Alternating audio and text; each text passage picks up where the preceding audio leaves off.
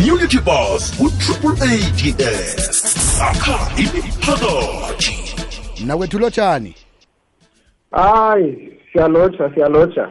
Nikhona ekhaya. Hayi nikhona ninjani? Siyathokoza. Yeyi sithokozela ukuthi-ke sithole ithuba lokucocisana nawe. Ah finally finally i've been waiting. Ya ngoba nasoloku bathe siya- ngiyakufuna basitholakala. Manje-ke eh, ngiba usicocele ngawe uthapelo samuel ngubani?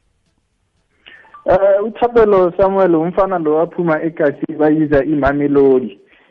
Eh imamelodi west ngiphuma la ekasi ngikhule la ekasi. Ikasi niyazi in and out.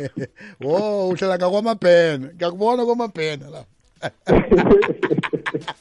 Noma nisiyathokoza eh ngibona la ukuthi wasungula ihlangano eh ebizwa nge-sister seminar foundation. Kusitshele ngayo yini okwenzako lapho?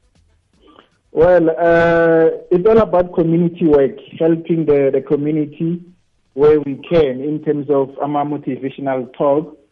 Uh, we go to schools to to to give a talk and we also go to disadvantaged communities to give clothes to give food and to give uh, pets and uh, izinto zokugeza for ama abafana. Mm mm mm ya ngo a- a- abafana utsho abesana eh bona sibapha izinto zokugeza ama colgate ya. uh, ama ama ama lotion yabona ya ngombana eh, ngaphambilini bekufocuswe khulu ebandazinyaneni abesanyana naba bebangakaqalwa yini enenza ukuthi nifocuse khulu ebasaneni?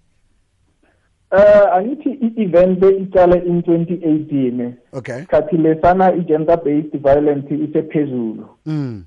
So we wanted to to be the hope and a blessing in the community as men. Mm. so hence we started the, the, the foundation of the name sister simina foundation to to to help uh, women where we can to help girls where we can you know? Allo um njengombana kuyatsho la ukuthi uyi-life coach umsebenzi owenzako yini? Na ukuthiwa umuntu uyi-life coach umsebenzi ukwenzani Eh i-life coach let's say umuntu unenkinga eh umuntu that person unama challenges mm. wabona and eh, akana i-self esteem i-self esteem yakhe i-low Mm. eh akasithembi kanjalo or akathembi umuntu with eh i-challenge anazo Mm. so i-life coach is all about motivation uh, it's all about motivating it's all about uh, to empower the next person. It's all about being there for that person and to advise where you can. Uyabona izolo bekulilanga lokuyelelisa abantu ukuthi-ke eh bacheje imikhumbulo yabo eh ama-mental illnesses akhona ahlukahlukeneko. Abantu baningi esewula afrika abagulako ubona ngomuntu selazibulala uthi awu kanti ngini-ke lapho eningena khona ukuthi fanele kube ngini enilapha abantu abanjalo. Baningi-ke abanemraro eyahlukahlukeneko abangahloga isizo lakho. Bakuthola njani? Eh mina ngi available ku Facebook eh Thapelo Samuel capital T and capital S for Samuel okay. Bese-ke abantu abangathanda nje ukuthi basebenzisane ne-organization le eh enisiza kiyo abantwana besikolo esikhulukhulu abesanyana banganithola njani khona eh nabo baza kufaka isandla? Ngoba nabo kunabantu abafisa ukuthi-ke basize ama-organization afana nala.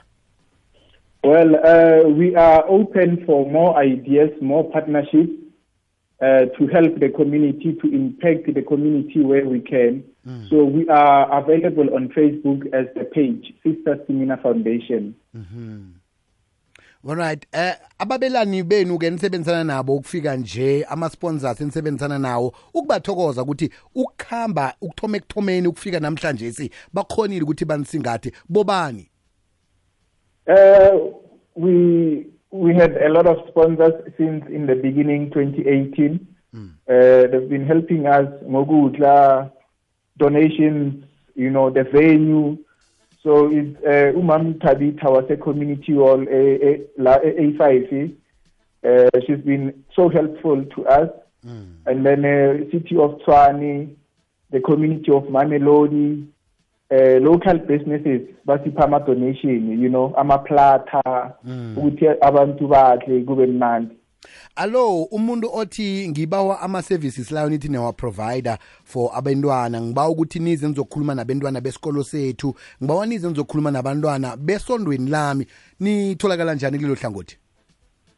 Um, we are involved. Our focus is uh, school motivational talks, community development. So, if maybe kune someone uthi ufuna ukusebenza nathi, uh, we are more than open, you know, to to work with anyone, any organization, any company, anyone.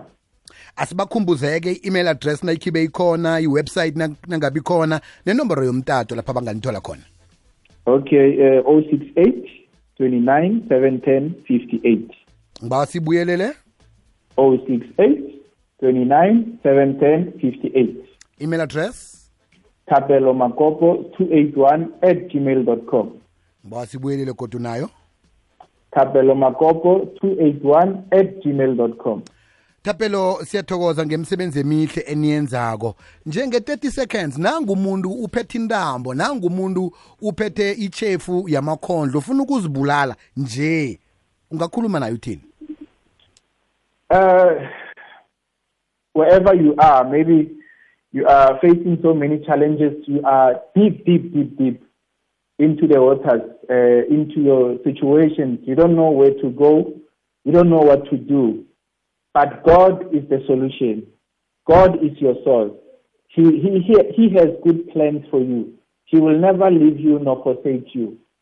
You are not alone in that challenge. You are not alone in that journey that you are facing, in that challenge you are in. You are not alone. Abantu bandlulile. You are not the first. You are not the last. Take them as an example. You, you've got a lot of potential. You, you are the best. You are amazing. That's why uNkulunkulu akuyenzile because you have a purpose. You, you have a purpose to fulfill in this earth. So why do you want to kill yourself? cabanga ukuthi ifikile endlebeni efanele ifike kizo tapelo siyathokoza ngemsebenzi emihle eniyenzako eh uragele phambili ngombana ngemva kokuthi umuntu ezwe lokho oqeda ukukukhuluma nje ngiba ubuyelele inomboro yakho nje kokuphela kwenzela ukuthi aragele nawe phambili akudosele khona uzamsiza No, okay. It's 068 29 710 58. sithokoze khulu kwamambala thapelo Thank you, King Bisiyabonga. aha besikhulumisana naye nguthapelo samuel eh we-sister seminar foundation. Community bus ku-triple ads akha imiphakathi